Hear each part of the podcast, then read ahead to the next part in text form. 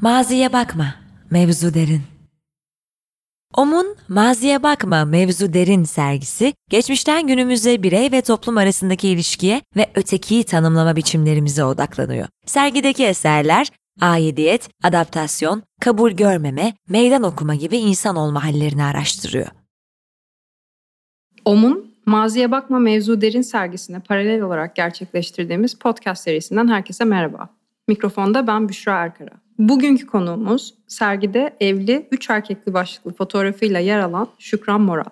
Türkiye'nin ilk performans sanatçılarından olan Şükran Moral, sanat üretimine başlamadan önce gazetecilik ve sanat eleştirmenliği yaptı. 80'lerin sonunda İtalya'ya taşındı. 1995'te Roma Güzel Sanatlar Akademisi'nin resim bölümünden mezun oldu. Sıklıkla ataerkil sistemleri mizah ve hicible eleştiren Şükran Moral'ın çalışmaları, seks işçileri, trans bireyler, göçmenler gibi toplumun en uç ve incinebilir kesimlerinde yaşayan insanları da konu ediniyor. Eserleri OM'un yanı sıra British Museum, Victorian Albert Museum, Ömer Koç koleksiyonu ve İstanbul Modern'in de kalıcı koleksiyonlarında yer alıyor. Hoş geldiniz Şükran Hanım. Hoş bulduk. İyi ki bugün buradasınız.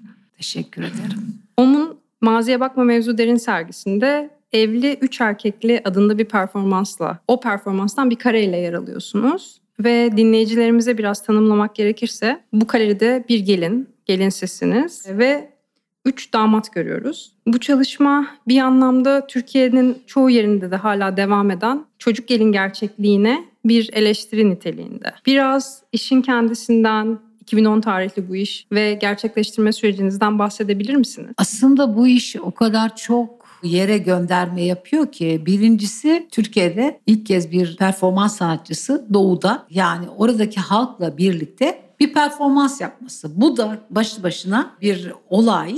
Çünkü genelde bütün performanslar İstanbul'da oluyor. İkincisi bunun dışında elbette ki en önemli sorun Türkiye'deki bu küçük yaşta evlendirilmeye zorlanan kız çocukları sorunu. Bu yıllardır benim kalbimde yara açan, beni üzen, benim gibi birçok kadını, kişiyi üzen bizim kötü bir gerçekliğimiz. Ben buna bu yaraya bu performansımla cevap vermek istedim. Bu çok trajik bir şey. Yani bir kız çocuğunun evlenme adı altında ki bir kız çocuğu ve evlilik yan yana olabilecek iki şey, iki gerçeklik olamaz. Kız çocuğu kız çocuğudur, çocuktur. Çocuk çocuktur ama evlilik yetişkinlerin yapabileceği bir şey. Kız çocuğunu evlilik yalanı iki yüzlülüğü adı altında evlendirmek aslında onun şiddete uğraması demek. Onun hayatının dumura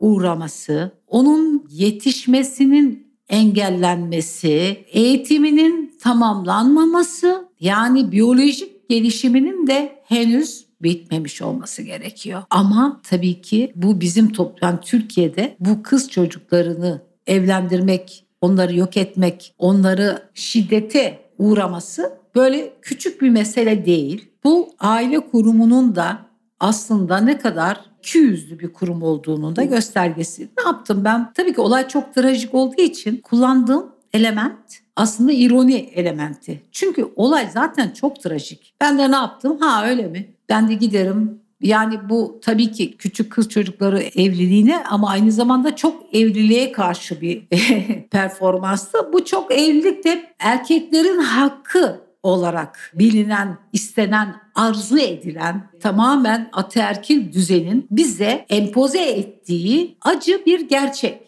Ne yaptım? Yaptığım şu, bizim gelenekleri alıp tersine çevirdim. Kızlardan, çocuklardan, kadınlardan beklenen vercin olma, yani cinselliğini yaşamama, bakire olma sorununu hani bu simbolik olarak düğünlerde kurdele, kırmızı kurdele falan takarak bunu sürekli bugüne kadar getirmek. Ben bunu aldım. Yani üç kocalarımın beline taktım ki bunlar da 18 yaşından küçükler. Hatta bir tanesi bayağı küçükmüş. Ben sonra öğrendim işte 15-16 yaşındaymış. Yani hadi bakalım bunu bir kadın yaparsa ne olur? diye bir soru atmak. Yani performansımla sorular yaratmak. Soru işareti kafalarda soru işareti yaratmak. Bunun tersinin de olabileceğini düşün bakalım. Hadi ne olacak? Değil mi? Yani bu dünya sadece insanlar için, bu dünya sadece insan için de erkekler için var olmadı. Bu dünyada kadınlar var. Uzun yıllardır biz ne yazık ki erkeklerden lütfen diyerek eşitlik dileniyoruz. Ama lütfensiz bir eşitlik istiyorum olmalı.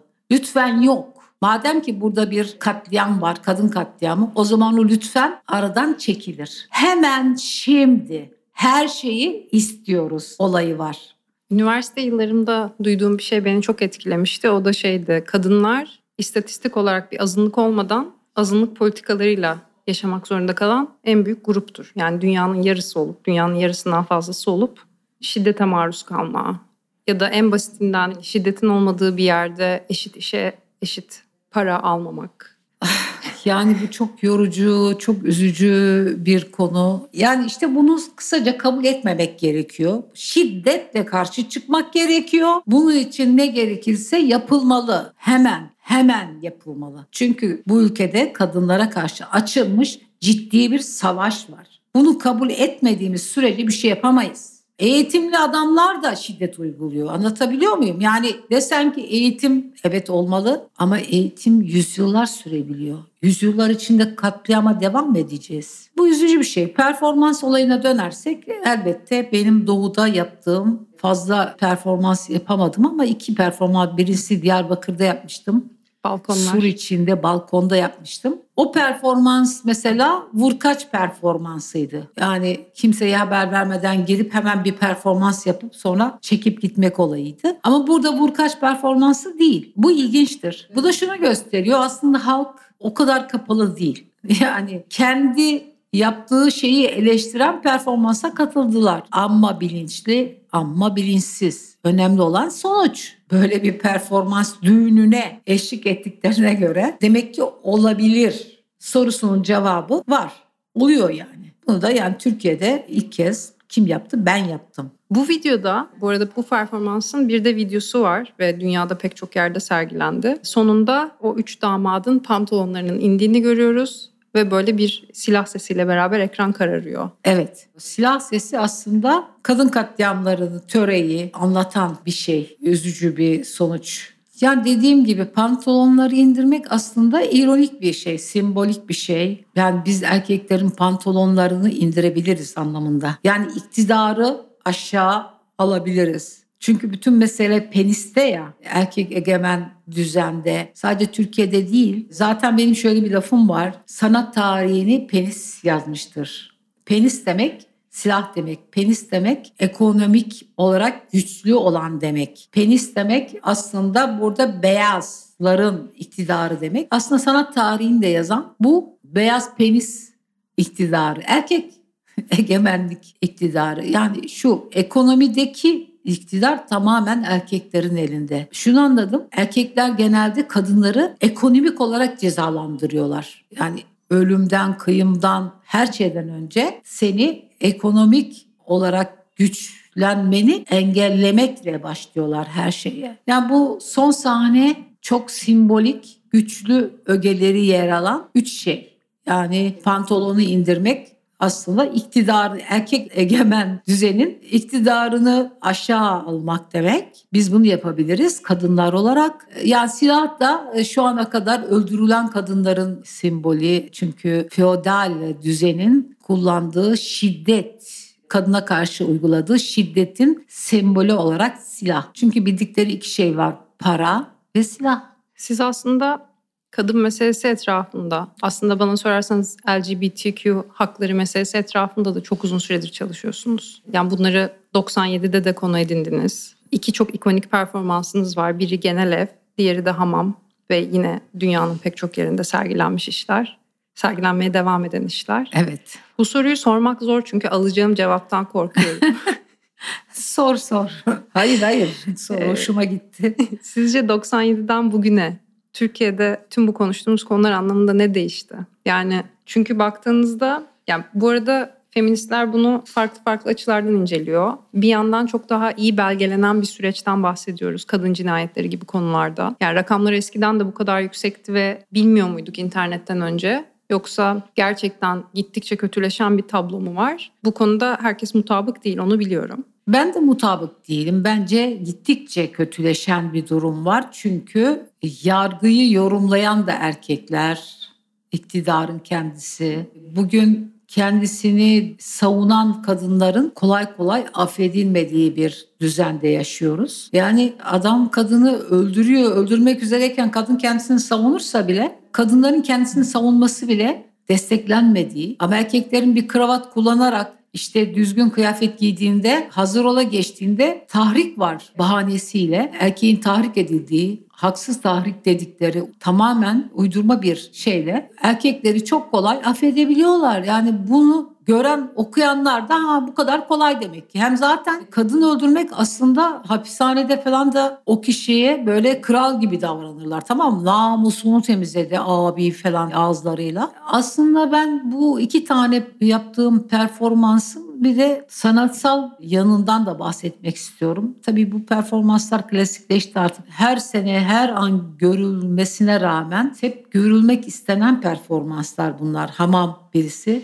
ikincisi genele yüksek kaldırım. Neden? Türk çağdaş sanat tarihi içinde de bunların önemi büyük de o nedenle. Çünkü mesela hamam Hele dünyada da çağdaş sanattan bahsediyorum. Kimsenin herhangi bir hamama girerek performans yaptığı görülmemiştir benden önce. Nedense bunu söylemeyeden kaçınıyorlar bizimkiler. Halbuki gerçek budur. Bunun tersini şu ana kadar ispat edilemediğine göre. Çünkü bir sanat performansı asla gizli gizli yapılmaz. Benim yaptığım performansların, sanatımın önemi arkasında yüksek sesle durabilmem. Yani bu böyle aile içinde yapılan şeyler değil. Açıkça yaptığım ilk kez bir çağdaş sanatta dünyadan bahsediyorum. Hamama girip ama Türkiye'deki erkekler hamamına girip orada meydan okumaktır. Bu bir meydan okuma performansıdır. Ya performanslarımın çoğu meydan okuma aslında. Nereye? Tabulara tabii ki. Ve bunun önemi buradan kaynaklanıyor. Elbette ki sonra bunun estetik kaygılarından da bahsedebilirsin. Sonra ilk defa benim o hamamdaki buharı kullanmam. Mesela hamam yanmadığı zaman buhar olmazdı ve çekim daha kolay olurdu. Ama ben neden yanan bir hamama, çalışan bir hamama, müşterisinin orada olan bir hamama girmeyi tercih ettim. Aslında bu etkenler çok daha önemli. Sonra o performansımda tamamen Caravaggio'dan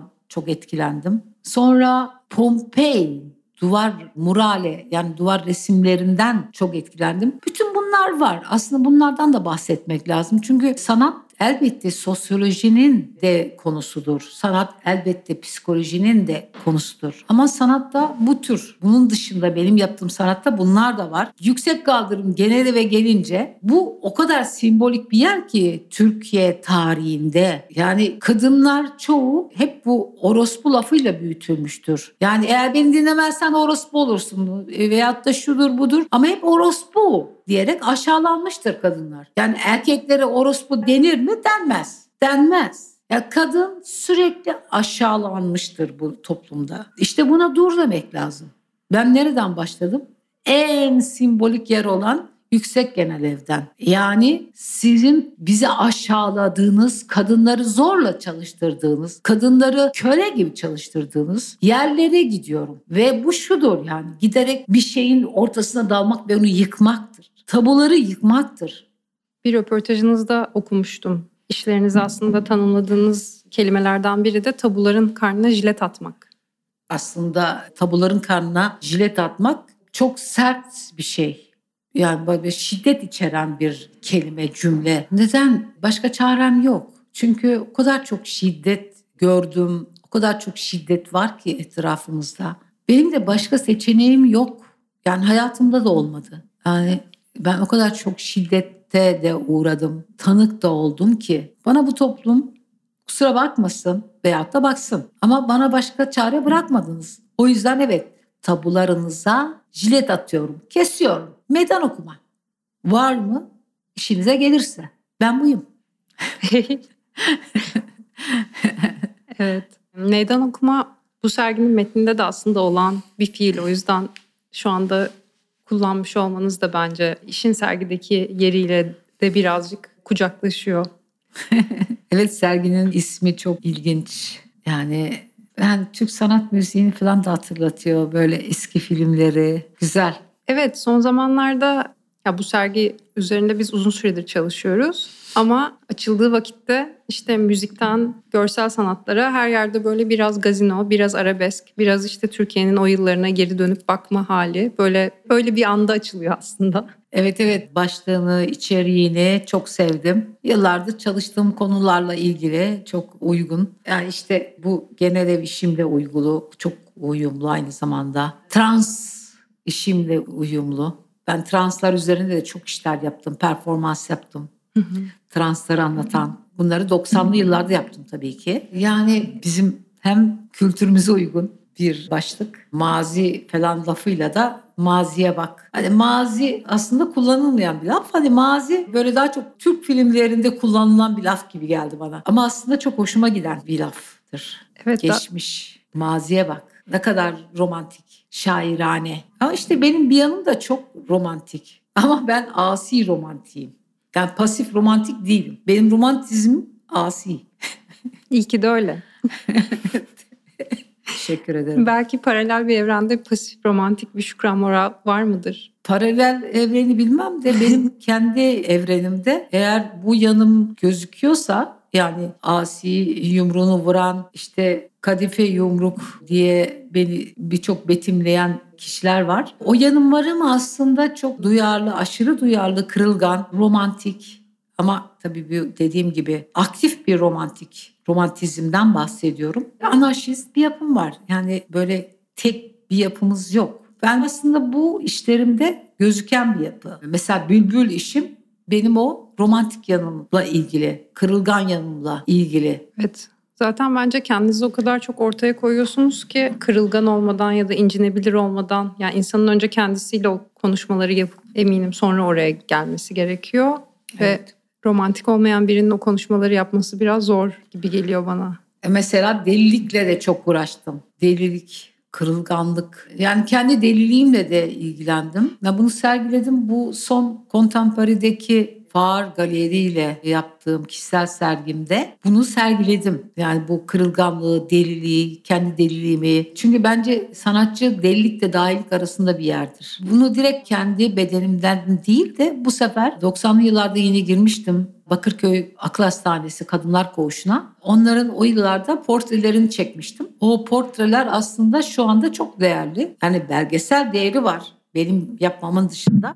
Ama ilk kez sergilendi bu portreler. Yani 2021 yılında ancak sergilendi. İşte bu sergide gerçekten de kırılgan yanımı da gösterdim. İçten ve kırılgan yanımı. Tepkiler nasıldı fuarda işlerinizi gören, uzun süredir tanışık olan sizin çalışmalarınızı ya da olmayan? Tepkiler çok iyiydi. Yani ilk kez ben bu sergide sevildiğimi anladım. Anlaşıldığımı anladım. Şu ana kadar hep şeyde kalıyordum. Yani çok anlaşılmıyorum herhalde. Duygusunu tabii hiç hep bana eşlik etmiştir. Ama bu sergide anlaşıldığımı, sevildiğimi bana hissettirdiler. Sağ olsunlar. Benim için çok değerli bu. Çünkü bu kadar acıyı tek başına çekemezsin. Şu ana kadar böyle gitse de bundan sonra gitsin istemiyorsun. Yani bu kadar acıyı, bu kadar yükü, bu kadar yas tutmayı ki ben yıllardır başka kadınların yasını tuttum. Yani öldürülen kadınların yasını tuttum sürekli. Bu kadar acıyı tek başıma taşımak istemiyorum gerçekten. Yani bu acımın çektiğim, gördüğüm, hissettiğim, başkalarının acısıyla uyum içinde olduğum bu duyguların paylaşılması benim için önemliydi ve önemli hala. Çok değerli. Bu sergide gerçekten gördüm bunu. Yani bu portreler sergimde dediğim gibi Contemporary İstanbul'da sergiledim.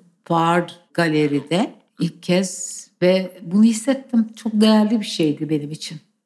Bence de bir sanatçının hani sağlıklıyken, üretimlerine devam ederken bunu hissedebilmesi çok değerli bir şey. Çünkü çoğu zaman olmuyor.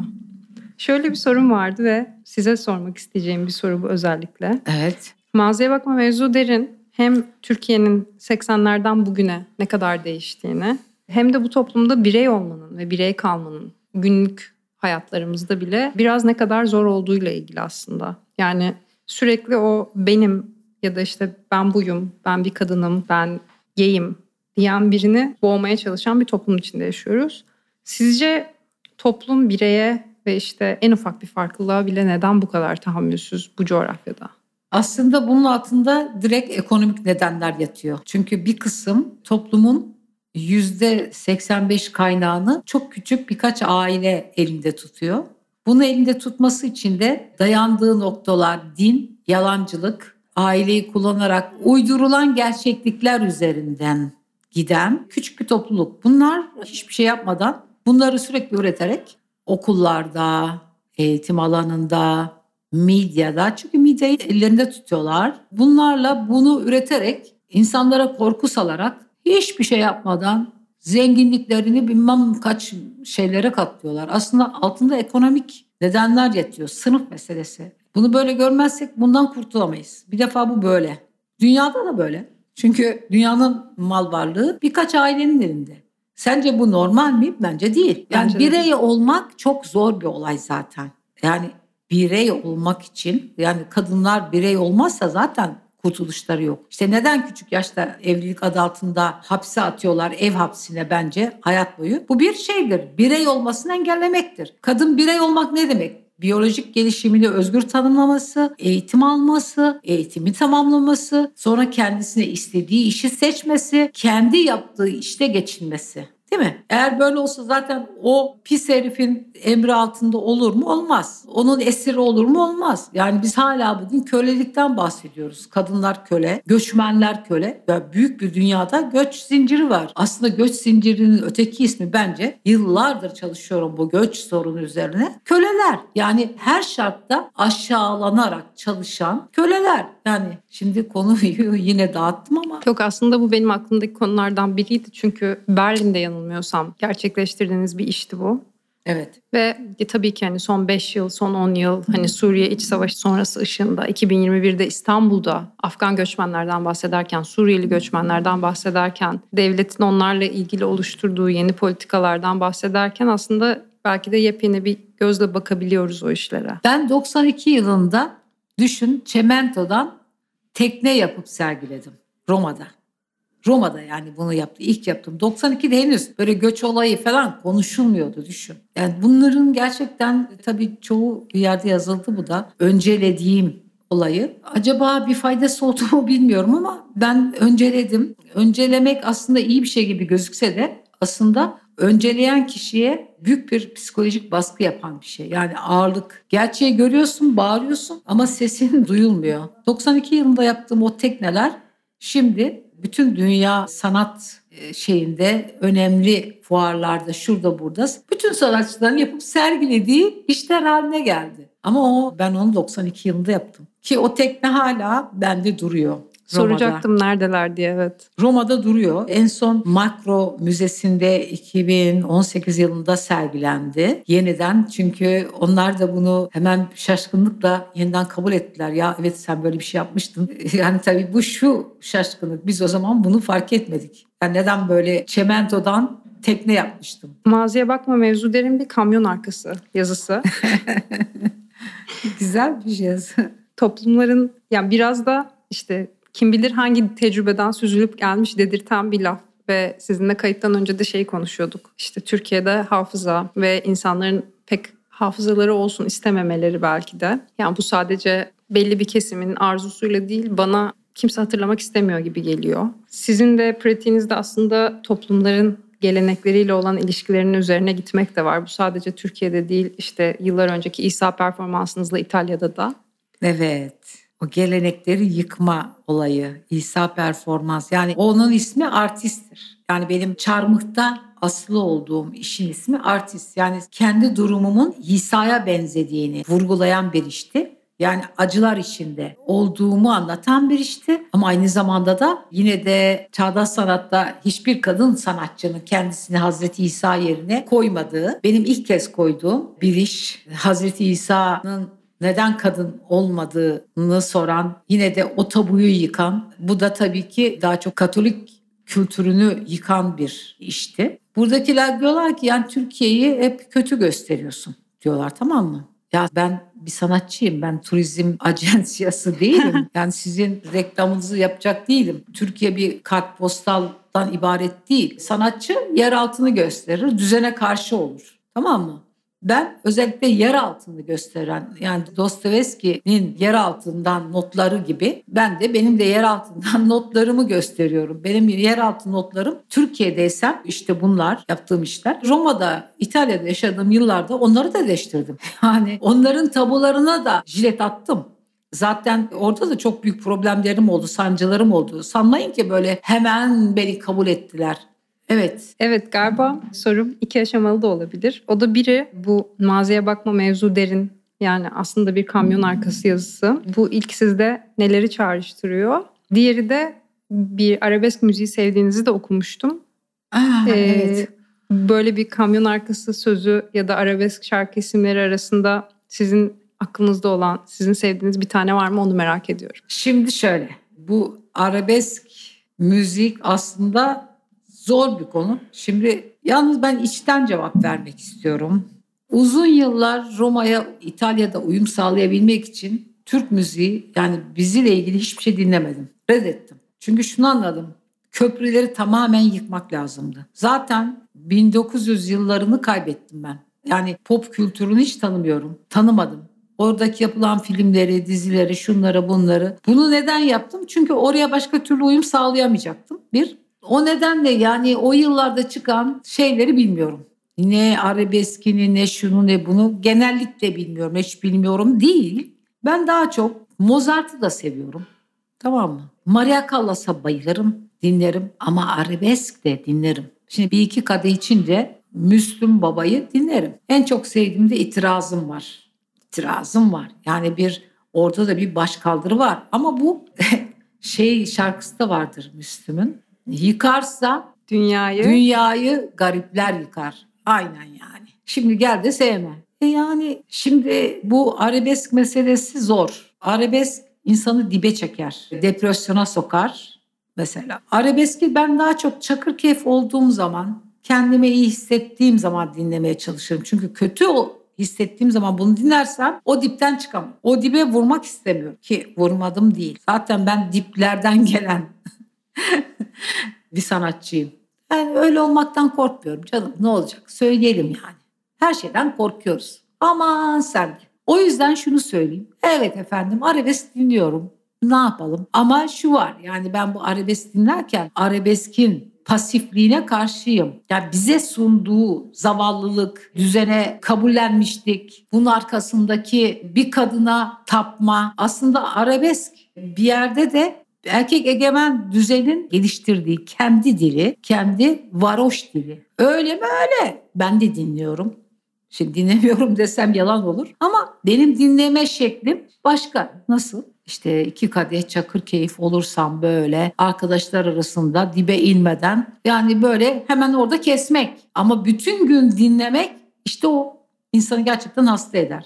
Çünkü sana kabullenmişliğin felsefesini empoze edebilir. Ahmet Kaya ayrı bir şey. Ahmet Kaya'yı severim. Onun şarkılarını da çok severim. Ama o da mesela kum gibi söylüyor. Ben onu dinliyorum ama öyle kendimi kum gibi de hissetmiyorum. Anlatabiliyor muyum? Yani benim dinlememle ötekinin dinlemesi arasında fark var. Ben daha çok caz severim. Yani benim sevdiğim bunlar. Bu müzikleri severim. Tamam mı? E, Türk sanat müziği, bayılırım Türk sanat müziğine. Ama şimdi bazen de arada bir sık olmamakla beraber arabesk de dinliyorum. Ama arabeskin arkasındaki felsefeyi, kültürü, şunu bunu bilerek itirazım var. söylemi olan bir şarkı. O zaman öpücükler. Size de öpücükler. İyi Kadınlar lütfen üç tane koca alın. Çok teşekkürler Şükran Ben teşekkür ederim. Sağ olun davetiniz için. Beni dinlediğiniz için çok çok teşekkür ederim. Bu podcast serisi OM'un Maziye Bakma Mevzu Derin sergisi kapsamında gerçekleşmektedir. Hazırlayanlar Büşra Erkara, Bala Gürcan ve Umut Özcan. Destekleri için Aposta'ya teşekkür ederiz. Bir sonraki bölümde görüşmek üzere.